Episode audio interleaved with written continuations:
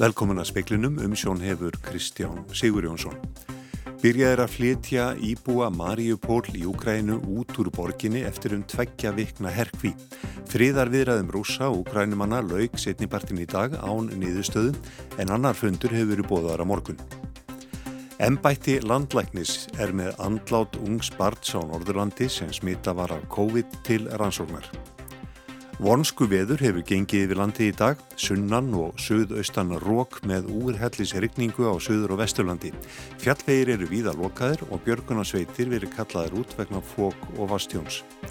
Framkvæmdastjóri lækninga á sjúkrahúsin og Akureyri segir að eldra fólk smitist í meira mæli en áður af COVID. Friðar viðræðum rúsa og úkrænumanna laug setnipartin í dag á niðurstöðu en annar fundur hefur verið bóðar á morgun. Byrjaðir að ferja íbúa úkrænsku borgarinnar Mariupól úr borginni eftir um tveggja vikna herkví. Bílalestum 160 bíla komst út úr úkrænsku borginni Mariupól fyrir í dag. Þetta er í fyrsta sinn sem tekst að flytja fólkur borginni sem Rúsland segir hefur haldið í herkví um hálfan mánuð. Ástandi í borginni vestnar dag frá degi fyrir þau sem þar sitja föst. Nöðsynnar á borði við drikki, mat og ramagn er af afar skortnum skamti. Allar tilurni til að koma fólki út úr borgin undanfanna daga hafa strandað á tíðum árásum rúsahers. Íbúar Mariupól sem komast í burtu bætast í sístækkandi hóp ukrainska flótamanna. Flótamannhjálp saminuðu þjóðana á allar aðeim 2,8 miljónir hafi flúið landið frá því að herr rúsneska stjórnvalda ríðist þær inn. Lang flest hafa flúið yfir til nákvæmlega ríkisins Póllands eða 1,7 miljónir. Fríðarviðræðum fulltrú á stjórnvalda í Úkræn og Rúslandi laug á niðurstöðun úr setnibartin. Þetta var fjórði fundurinn en annars líkur er áfarmaður strax á morgun. Mikhailo Podolyak, aðstóðamaður Úkrænu fósita, leiðir viðræðinu fyrir hönd Úkrænu. Hann skrifið á Twitter áðan að hlýja hafi verið gert á viðræðum til morguns en upplýstið ekkert frekar um hvar viðræðinu væri stattar. Podolyak sagði eftir fund helgarinnar að aðeins annar tótn væri komin í málflutning rúsa sem mögulega gefi tilefni til að niðurstöða gæti á endanum náðst. Við sem vendur hafa þó til þess að verið hóflega bjart sínir á niðurstöðu sem báðir geti sætt sér við. Birta Björnstóttir tók saman fjallaverðu nánar um flóta fólk frá Ukrænu síðar í speklinum. Ungt barn sem var smitað af COVID lést á Norðurlandi fyrir umri vikum. Dánarorsök likur ekki endanlega fyrir. Embætti landlæknis er með andláti til rannsóknar. Þetta staðfesti Örd Ragnarsson, framkvæmdastjóri lækninga hjá heilbriðstofnu Norðurlands í samtali við frettastofu. Hann segir að þegar komi upp óvænt döðsföll líkt á þetta, beri heilbriðstofnunum að tilkynna það til landlæknis sem sé nú með málið til rannsóknar. Kjartan Hreit Njálsson, aðstofum að landlæknis, segir að embættinu hafi borist tilkynning um óvænt atvik á heilbriðstofnun sem varði andlátt barns. Kjartan segir að við slíkar aðstæður fari fram réttakröpning til að leiða í ljós dánarósök sem sé alltaf á forræði lögreglu. Rannsókn embætisins sé á frumstígi og því ekki hægt að gefa frekar upplýsingar að svo stöttu. Urður Örlegstóttir saði frá. Leiðinda veður hefur verið á öllu landinu í dag, hýfandi sunnan eða suðaustan rók með grenjandi rigningu á suður og vesturlandi. Óðinn Svan Jónsson, frettamæður, er stattur á Blöndósi. Óðinn tekur í fólk og fjenað hjá þér? Já, það er óætt að segja það. Þetta er eins og þú sagir, bara hýfandi rók og, og leiðinda veður. Hvernig hefur eh, færð verið á landinu í dag? Sko færðin hefur auðvitað verið að spillast víða um land en hún hefur verið einna verst á, á vesturlandi og, og vestfjörðum. Á, á vestfjörðum er snjóþekja á flestum leiðum og lokaðum stengrinsfjörðarheiði og þröskulda og svo er Holtafjörðarheiðin og, og Brattabrekkan lokuð og, og svo á, á suðvesturhóttninu þarna hjá ykkur þar er Mósvöldseiðin, Helliseiðin og Þrengslin lokuð þannig að þetta er að hafa áhrif víða. Hefur orðið eitthvað tjón og hafa björgunarsveiti verið kallaðar út? Já, ég var einmitt að ræða við hann Davíð Má Bjarnason, upplýsingafulltrú á landsbyrgu nú réttur í fréttir og hann sagði mér að það hafi verið útköll víða um land í dag, aðalega á, á vestanverðu landinu. Það hefur þó sloppið, það var búist við mjög vondu veðri hér fyrir norðan og á norðvesturlandi þar sem við erum, en þar sem það er engin úrkoma, þá hefur þetta svona sloppið ágæðlega til. Það var eh, eitt útkall skamt frá varmahlýð nú réttur í fréttir, þar sem hafa verið að þakva farið að fjúka fjárhúsi en, en annars ekkert stórt allavega. Takk fyrir þetta Óðinn og gangið vel á Blöndósi. Takk. Sigur Jónsson veður fræðingur, hvernig er útlítið núna? Sko veðrið er nú svona að byrja að ganga niður um vestanverðslandið, farið, farið, farið að leia talsvert en, en aftur á móti er mjög kvast fyrir norðan og, og, og vonsku við sérstaklega á tröllaskaganum. Þar er vindur eh, nálega 30 metrum á sekundu og, og sumstaðar yfir og hviðurnar þaðan enn meiri og absýningul viðverðinu í gildi. En síðan gengur þetta nú nokkur hratt niður þannig að svona þegar líður á kvöldið að þá þá dettur, dettur vindur frekar hratt niður þá hversið fyrir austan og þar verður, verður kvast fram eftir kvöldi til svona 11 kannski eitthvað svo leiðis og, og svona eitthvað aðeins inn í nóttina og svo gengur þetta nú svona niður það líka en e, síðan, síðan á morguna þá tekur reyndar við bara mjög, nokkuð kvassuð vestanátt þannig að e, þó svo að það er sér enga viðvarinn í gangi að þá er þetta er svona leðenda við er ekkit, ekkit búið hjá okkur. Og þá kólnar? Og þá kólnar líka og fer að bara snjóa áttur. Takk fyrir þetta Sigur Jónsson. Talsert hefur verið um ramasleysi vegna veðurs í dag. Á VF Rarik eru skráðar nýju bílanir í dag. Allar nema einir vegna ramasleysis á Vesturlandi. Sem eina sem stendur út af er vegna þess að ramaslaust varð nýst á Vastnesi á Norðurlandi. Þordís Kolbrún Reykjörg Gilvadóttir utanriksráðara kynnti í morgun ríkistjórn og utanriksmálunemnd til lögu sína um að opna sendiráð Íslands í Varsjá, höfuborg Pólans.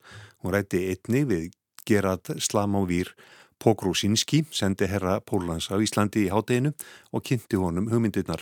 Sankvann tillugu Þórdísar Kolbrúnar á sendiráði í Varsjá einni að fara með málitni sem snúað Litáin, Úkrænu og Belarus. Pólverjar hafa starrækt sendiráð hér frá 2013 og voru með sendiskristofu hér í fimm ár þar á undan. 13 sjúklingar eru innilíkjandi á sjúkrahúsinu á Akureyri sem er með því mesta sem verið hefur þar. Frankanda stjóri lækninga segir að nú sé eldra fólk að smitast í meira mæli en áður og það skýri fleiri innlagnir. Sigurður E. Sigursson, framkvæmdastjóri lækninga á sjúkrahúsun og Akureyri, segir síðustu vikur hafi verið snúnar. Það hafi verið mikið púsl við að manna grunnþjónustu og bráðaþjónustu enda mikið af starfsfólki frávegna verunar. Starfsfólk er því fært á melli eininga og því fresta sem hægt er að fresta. Og þetta er svona ekki staða sem við viljum vera í og alls ekki til lengri tíma því að þetta verður skapa bara uppsafnað vandamál en svona verður við að vinna þetta eins og er því að aðstæðuna bjóðum ekki på annað. Af þeim 13 sjúklingum sem liggja inn á sjúkrásunum með COVID eru tveir á gjörgæslu deilt, hvorugur í öndunavél. Núna verður kannski fólk ekki eins mikið varfið þetta út í samfélaginu. Þessi bylgja virðist að verið búin að fara meir og minna í gegnum börn, núlinga og, og yngra fullorðið fólk en, en núna er það kannski að herja heldur meira á eldra fólk og, og það kannski þarf frekar og oftar á sjúkrástjónustu þá halda sagði Sigurdur E. Sigursson. Anna Þorbjörg Jónastóttir tók saman.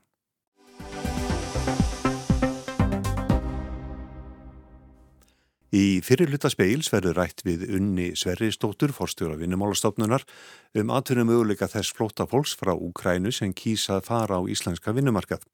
Í setni hluta speilsins veltum við fyrir okkur lífeyrismálum. Margir leiða hugan ekki sérstaklega mikið að lífeyrisréttundum sínum fyrir ná setni stigum starfsferilsins. Ef fólk hugsa snemma að þeim, þá getur það auki sveianleika þegar hillur undir starfslokk. En fyrst Úgræna og flótamenn.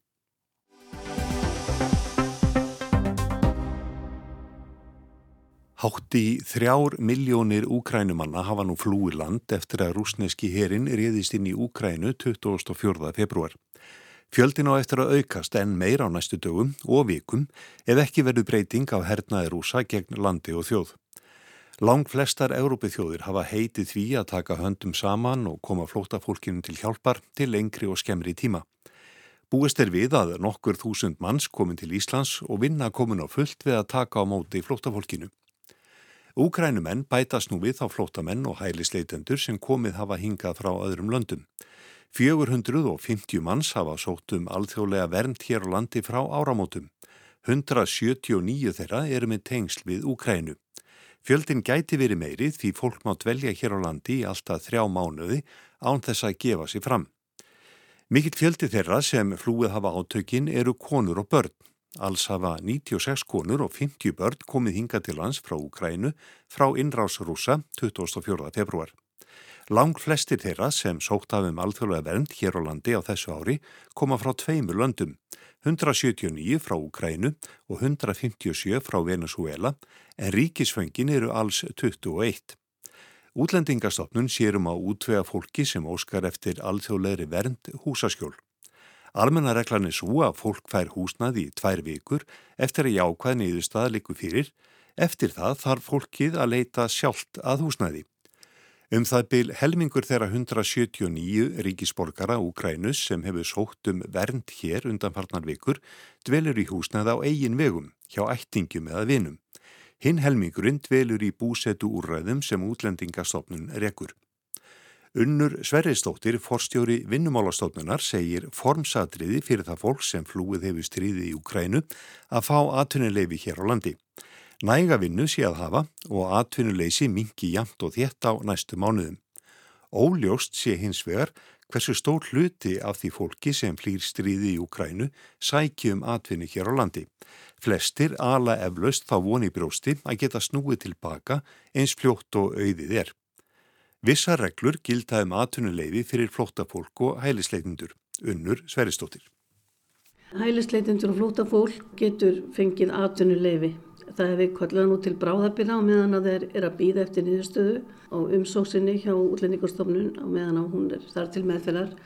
Þá geta þessir einstaklingar fengið bráðabila leifi til þess að fara hér á vinnumarkaði. Og þetta er innfaldara ferli þá heldur en hjá ellendum ríkisborgurum sem að vilja bara koma enga til að vinna? Sko ríkisborgarar utan Európska efnaðarsvæði sem styrfa aðdunuleyfi, já mörguleiti má segja að þetta sé kannski einfaldara.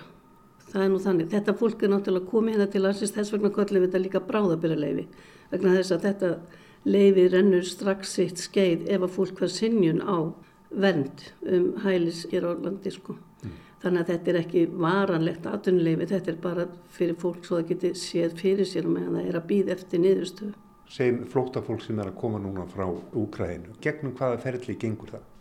Það er aftur á móti annað ferli vegna þess að það er úr að virka þessa grein eins og hefur nú margótt komið fram. Það sem þetta fólk fær bara dvalarleifi strax samanúðar ástæðum en það hefur ekki farið gegnum þingin en það er viljið til þess að þeir sem fá þetta leifi að dvelja hér vegna mannúðar aðstæðuna þeir fái átomatist atvinnuleifi. Þannig að Við núna eru lögin þannig að þeir munu þurfa að sækja maturnuleifi en ég mun nú segja að það er eiginlega bara formsatriði. Þetta fólk fær aturnuleifi, eina sem við munum gera við þessar umsóknir það er að skoða hvort það sé ekki öruglega verið að greiða laun samkvæmt gildandi kjærasamningum en síðan gefum við þetta út til þessar, þessar einstaklingar sem eru að koma frá Úkrænu. Það er bara viljið stjórnvalda og allar að taka á móti þessu fólki með þeim hætti. Er það í stakk búi til að fara strax út á vinnumarkað? Það er svo allt önnu saga og mér er það til efs vegna þess að það lítur út fyrir það og að þetta séu mikið mæður með börn og ég held að þetta fólk þurfi aðra aðstóð heldur en að vera kannski að fara beint út á vinnumarkaðin á Íslandi. Ég held að þurfi aðstóð við að koma börnun sínum í skóla og, og bara átta sig á þessu samfélagi og þeirri stöðu sem þeir eru bara allt í hennu komin í. Hvaða hlutverk hefur vinnumálastofnun í því? Við höfum með hendir svona samfélagsfræðslu. Við eigum vísna góða samfélagsfræðslu sem við erum nú þegar farin að þýða á úkrænisku. Það er að við verðum alveg stakk búin að minnstakosti með fræðslu hlutan. Og svo getum við líka aðstofa fólk við að komast á íslensku námskeið og svo frammeðis þegar það telur sér verið stakk búið til þess.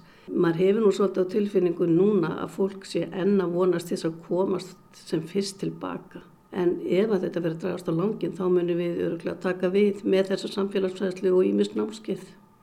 Og það er sérhæft starfsfólk í því hér? Já, já, hér er sérhæft starfsfólk sem aðstóðar fólk á flóta.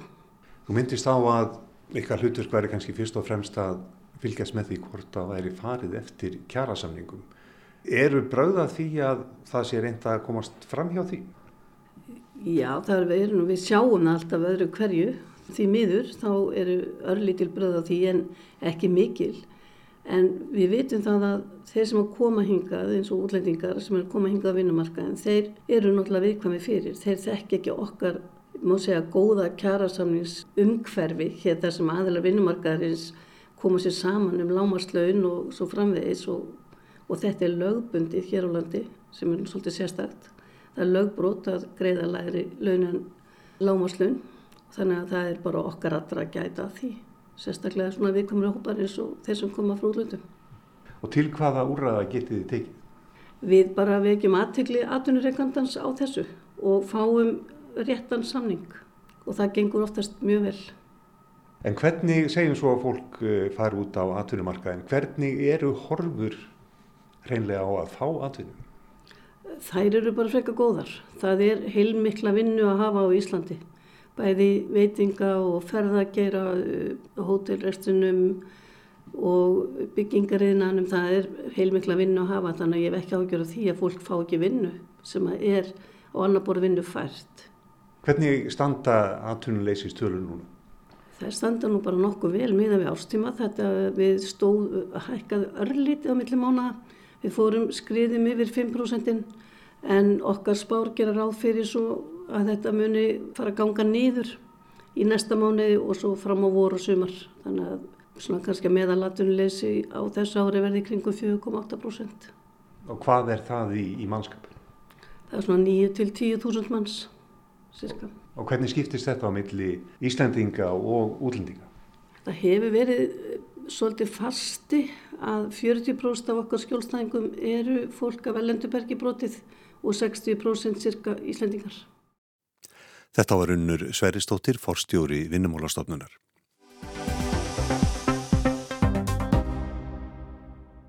Margir loka eironum þegar líferismál ber á góma, en þau skipta okkur máli og það er undir hverju og einu okkar komið að huga að þeim. Því fyrr, því betra. Margir sigla í gegnum starfsferilsinn á legnum sjó án þess að huga sérstaklega að lífeyris réttindum sínum og þeim möguleikum sem standa til bóða þegar hillir undir starfslokk. Speillin rætti þessi mál við Björn Berg Gunnarsson, deildarstjóra greiningar og fræðslu hjá Íslandsbanka. Við spurðum fyrst hvort að það væri ekki eðlilegt að fólk syndi einfallega sinni vinnu og syldi lignan sjó. Jú, það er nefnilega fullkonlega eðlilegt og það er alveg skiljanlegt að lífverðismál séu ekki vinsalast umræðefnið í vinnahópum og í skólum og saumaklúpum og, og í fjölmjölum játmel vegna þess að þau eru í eðli sínu þetta ekkert sérstaklega skemmtileg. Þau eru líka flókin, þau taka mjög örum breytingum en það munum margir eða lang flestir íslendingar átt að segja því á einhverjum ákveðnum tímapunkti að vegna þess hvernig okkar kerfi byggt upp í tengslu við lífeyrismál þá er þeim hreinlega uh, ætlað að gerast sérfræðingar í lífeyrismálum. Vegna þess að við höfum byggt hér upp lífeyriskerfi sem hefur innbyggðað mjög mikið sveigjarleika og sá sveigjarleiki byrtist í öllum þeim valkostum sem lífeyrist egar eða umsækjendur um lífeyrið, hvort sem við erum að taka út úr tryggingastofnun, sérinarspartna, lífeyrissjóði öllum þeim þeir valkostur eru svo margir og þetta er gert, þessi valkostur er að bóðið upp á þá alla til þess að fólk geti haga lífeyristöku með þeim hætti sem henda þeim best hvort sem það er með það markmið að fá fleiri auðra út úr þessum kerfum eða að, að hafa aðgengja pinningum þegar betur hendar. Það er hins vegar ekki hægt að nýta sem þennan sveigarleika nema að þekka þessi kerfi og þetta er vandamálið. Það er langt flestum tilvökum þegar fólk nálga starfslokkin, það hefur bara haft nóg að gera með annað á, á, á meðan það er á, á vinnumarkaði. Nú er það hægt að vinna og það er rétt svona kynnist þessum kerfum, það, það, það hefur samband við lífur í sjóðunni að það fer á vefin og lítur á trygginga á stofnun og skoða hvernig þetta er allt saman. Og vext þetta þannig í augum og átt að sjá því hversu flókið þetta er að eins og þú nefndir með, með það að, að, að vilja bara sigla lignan sjó í gegnum þetta, það er nú það sem flesti þá bara gera. Loka bara augunum, sækja um allt í einu og vona það besta og vegna þess að flesti gerir þetta þá eru bara ekki nógu margir sem er að nýta sér þennan sveianleik og alla þessa möguleika sem kerfið er að bjóða upp á. Og þetta er vandamál. Hvernig getur fólk undirbúið sig? Það, það er best að undirbúið sig eins nefna og, og hægt er. Og þar reykust við á annan veg vegna þess að þá erum við í raunin að segja fólki sem hefur ekki nokkur minnst áhuga á lífeyrismálum að, að fara að, að kynna sér lífeyrismál sem er þá fyrir á lífsleginni Þa, það sem við getum hins vegar reynd að gera hvert og eitt er að velta fyrir okkur, reyna að sjá fyrir okkur hvaða valmöguleika við, við kynnum að vilja hafa þegar við erum komin erum í kringum 60 til yfir 60 ef við, ef við grípum ekkert inn í, ef við gerum ekkert heldur bara borgum saminsku samlega í okkar lífur í sjóð, þá er ekki vista þegar við erum orðin 60, 65 ára 70 að við getum valið mjög mikið uh, varðandi það að hafa starfslokkin okkar sveigjanleg, hætta jætnvel fyrir í vinnunni, fara í hálftstarf, uh, segja upp starfi og fara í, annað sem kannski borgar ekki eins vel. Þetta, er eitthvað sem ég geta límyndið mér að margi myndu vilja geta valið um eða, eða haft einhvern valkostum en við getum það ekki nema að vera búin að grípinni fyrr og þá er ég að tala um það að grípinni fyrst með því að velta þessu fyrir sér hvaða valmöguleikar eru það og hvað kunna að kosta vegna þess að þetta, það kostar að hætta fyrir að vinna það kostar að hætta að fara í hálfstarf þetta þýðir þá í flestum tilvíkum og það er ekki nóg að borga bara í lífri sjóð það er þá það sem maður átt að segja á það líkur þá beint við að það þurfa að spara einhvað til viðbótar langsamlega aðgengilegast á einfaldasta leiðin er heimlega bara að vera dölur að borga í sérinarsparnað. Sérinarsparnaður þá eru við og, mót, og, og vinnuveitindu okkar sjáum þetta og sérinarsparnaður virkar vegna þess að við þurfum ekki að hafa aga í það að leggja fyrir í hverju mánuði, vinnuveitindun okkar gerir það. Það er ekkert mála að sækja reiknivélar á, á vefnum sem sín okkur hvaða fjárhæðir þetta verða síðan þegar upp er staðið, svona sirka. Þurfum við meira, þá þurfum við að leggja fyrir til viðbótar inn á bók eða sjóð eða bara með hefðbundum hætti þar að auki. Eftir því sem við erum yngri þegar við kveikjum á perunni og byrjum á þessu, þeim mun auðveldar að verður það, að þeim mun minna þurfum að spara í hverju mánuði. Og það mun enginn sjá eftir því að hafa kveikt á þessu snemma á lísliðinni, lagt aðeins augalega fyrir mánaðarlega, ég ætla langt þess að taka eftir því, og standa síðan uppi 55, 60, 65 ára með uh, aðgengi að sjóðum sem hægt er að nýta í það að um, hafa meira fjárhagslegt öryggi, njóta lífsins eða eins og ég segja að, að fara í einhvers konar sveinjanleg starfslokk. Fólk sem er að koma inn á vinnumarkaðin, það hefur yfirleitt ekki mikið náhuga á þessum málum. En þarf ekki að byrja, byrja þar að setja þessa fræðslu inn í, inn í oft verið talað um það að setja meiri fjármála fræðslu og þess vegna lífeyrisjós fræðslu inn í grunn- og framhaldsskólinu? Jú, ég er alveg hjartalega saman á því og sem betur fyrir hafa nú verið stíðin einhver skref í þá áttina eh, með því að koma fjármála læsi eins og það er kallað inn í, inn í skólakerfið og hluti að því eru þetta hvetja ungt fólk til að skrá sér í sérnarsparnað. Nú hefur sérnarsparnaðarkerfinu þetta verið breytt mjög í, í algjörum grundvallaratriðu með því að lögjafinn með því að bjóða skattfrelsi er að beina þessum fjármunum inn á uh, fastegnamarkaðin sem að stóruleiti fyrir það að hækka fastinnaverð en, en að, að talsveruleiti líka hjálpar fyrstu kaupundum inn á markaðin og öðrum við að borga nú láni sín. Það þýður auðvitað að það verður þá minna sem fyrir hennan hefbundna sérinarspartna til efri árana og ef fólki er að nýta þessar skattfrálsur ástafanir en vil samt hafa eða vera döglegt að spara fyrir efri árin þá þarf bara að bæta í, þá þarf að gefa ívarandi spartna til efri árana til þess að vega upp á móti því sem er að fara inn, fast, inn á fasteinnamarkaðin mér finnst mjög mikilvægt að þetta bæði sé inn á í, í, í skólukerfinu að sjálfsögðu en að við komum sér líka bara í almenna umræðu.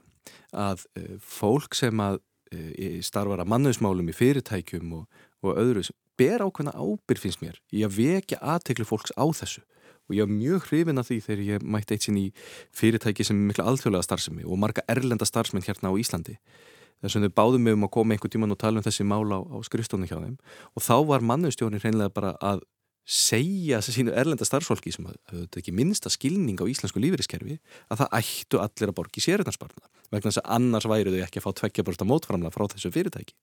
Þetta kostar fyrirtæki peninga en, en þetta hjálpar starfsfólkinu svo mikið að, að sjálfsögðu þurfa uh, þau okkar sem, sem vitum af þessu að, að, að láta aðra vita og hvetja fólk til þess að vera dölött að leggja fyrir með þessum hætti. Og dæminn sanna að það er þörf á að fara yfir þessi mál með sínum nánustu. Og þetta er ekki skemmtilegsta spjallin sem við tökum. En við ættum að setjast niður með, með makanum okkar að við erum í sambandi og reyna bara að útbúa hugulegar aðstæður bara að hérna opna eina, eina appisínflösku og eitthvað slíkt og svo setjumstu niður og við spyrjum okkur þessara leiðilegu spurningar hvað ef eitthvað mjög alvarlegt kemur fyrir? Hvað ef annarkort okkar fellur frá? Eða hvað ef annarkort okkar er, er lagt inn á hjúkurunarheimili til dæmis með alvarlega heilabilin og ástæðan fyrir við þurfum að velta þessu fyrir okkur um, og uh, hvena sem er í raun á lísleginni því fyrir því betra, miklu betra að vera ofsnemmið en nú að seint, er að við höfum aðgengi að öllum nöðsynlum upplýsingum til þess að geta spáð fyrir um það hvernig fjárhæsli stað okkar verður ef makin okkar annarkot fellir frá eða er laðurinn á hjógrunarheimili. Við, við, við getum sótt upplýsingur um hvernig maka lífeyrisréttindin eru, hvernig okkar lífeyrisréttindi verða, hvað við getum þá mögulega fengið frá tryggingastofnun á móti, hvernig erðamál verða og svo framvegs.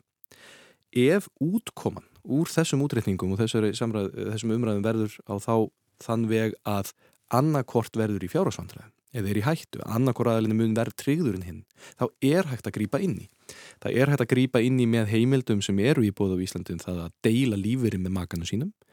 Ímest er það að, að reynilega gefa makanu sínum hluta af, af sínu lífeyrisréttundum, sem er kallað skiptingréttinda, eða þá að, að stilla lífeyristöku upp með þeim hætti að greiðslur og lífeyrisjónum fari jæmt inn á, á, á hvort naðila. Eh, svo er hægt að ganga frá jætvel einhvers konar eh, erðaskrá eða beini um, um, um, að, um, um það að, að eh, eftirljöndi mæki fá sitt í óskýttu búi eða umbóði á bankareikninga. Og þetta sem, sem þú ert einmitt að vísi varandi parið sem annar var lagurinn á hjókurinarheimili, þetta eru raunveruleg dæmi sem eru allt og allt og algeng. Að þegar fólk er lagt inn á hjókurinarheimili þá tekur við kerfi sem heitir greiðslu þáttaka, þáttaka í, í dvalarkosnaðu hjókurinarheimili. Virka með þeim hætti að nánast sama hvaða tekjur fólk er með, nánast óhátt tekjum, þá er allir með sama í vasanum, sama 107.000 kallin í vasanum um mánaðamótin. Þannig að, að greiðslu til dæmis frá lífyrirsjóðum, þær mun ekki skila sér inn á heimilin um að litlu leiti til að borga reikninga, heldur fara til ríkisins til þess að taka þátt í þessum kostnaði við hjókunarheimili. Þetta þýðir að þegar réttindi hjóna til dæmis eru mjög ólík og svo sem er heima, eða með léli réttindi, þá sá hjókunarheimilinu með mjög góð lífyrisréttindi, að þá er skrúa fyrir kranan frá lífyrirsjónum inn á heimilið. Það fer allt í ríkisins meir og minna. Og eftir setur maki heima með sáralítli lífyrirsréttindi, þarf að lifa á tryggingastofnun og að hafa auðvitað dögans áhyggjur af makanum sínum sárveikum og hjógrunarheimili. Ef, og það sem kemur oft upp, er að þá ætlar fólk að nálgast jætvel sparnað sem er inn í banka. Ef sparnaðurinn er á kennutölu þess sem eru hjógrunarheimilinu, þá verður að vera allir staður umbót til að hægt sé að nálga þessa peninga. Af hverju er ég að tala um að þetta sé sérstaklega vandamáli fólki með heilabilun? Það er vegna þess að aðilinn og hjúgrunarheimili með heilabilun má ekki skrifundin inn á papýra. Það er orðið ofsengt að ætla að ganga frá þessu umbóði eða ætla að skipta greiðslum úr lífyrísjóðum. Og ef við ræðum þetta við okkar maka og við sjáum fram á það að þetta gæti orðið staðan, þá er ekki eftir henn að býða þá er eins gott að eiga til þetta umboð og ef við erum búin að ná, ná lífyristöku aldri að jætnvel skipta greiðslum. Og svona er, það er svo margt í lífyriskerfinu okkar sem gefur okkur tækifæri til að grýpa inn í til að tryggja okkur betur og auðvitað líka til þess að jætnvel að hafa það eins betur á efri árunum. En það eru allt og fáið sem vita af þessu og það er synd. Saði Björn Berg Gunnarsson sem frætti okkur þarna um lífeyrismál. Bjarni Rúnarsson rætti við hann. Það var helst í speklunum hjá okkur í kvöld að byrjaðir að flytja íbúa Mariupól í Úkrænu út úr borginni eftir um tveggja vikna herkvi. Friðar viðraðum rúsa Úkrænumanna laug sittnipartin í dag án niðurstöðu en annar fundur hefur verið bóðaður á morgun. Embætti landlæknis er með andlát ungs barns á Norðurlandi sem smita var að COVID til rannsóknar. Vonsku veður hefur gengið yfir landi í dag, sunnan og söðaustan rók með úrhellis rigningu á söður og vesturlandi, fjallveir eru víða lokaðir og björgunarsveitir verið kattaðar út vegna fók og vastjóns. Frankvandastjóri lækninga á sjúkarásun og akureyri segir að eldra fólk smitist í meira mæli en áður af COVID. Utaníkisráþrat kynnti í morgun ríkistjórn og utaníkismálulenn tillögu sína um að opna sendir áð Íslands í Varsjá, höfuborg Pólans. Og við endum á viðurhorfum, það er spáð suðaustan og sunnan 20 til 28 metrum á sekundu, talsverð rigning á lálendi, úrkom minna um landið norðaustamert, klínandi viður hiti 3 til 9 stig, snýst í all kvassa suðvestanátt vestanlands í kvöld með skúrum eða slittu jælum og þá kólnar. Suðvestan 10 til 18 á morgun og jæljagangur en bjart viðri norðaustan til álandinu. Það kólnar í veðri, allvíða vægt frost setnipartin á morgun. Þá er ekki fleiri í spekli kvöldsins, tæknum aðri útsendingu var Mark Eldredd, veriði sæl.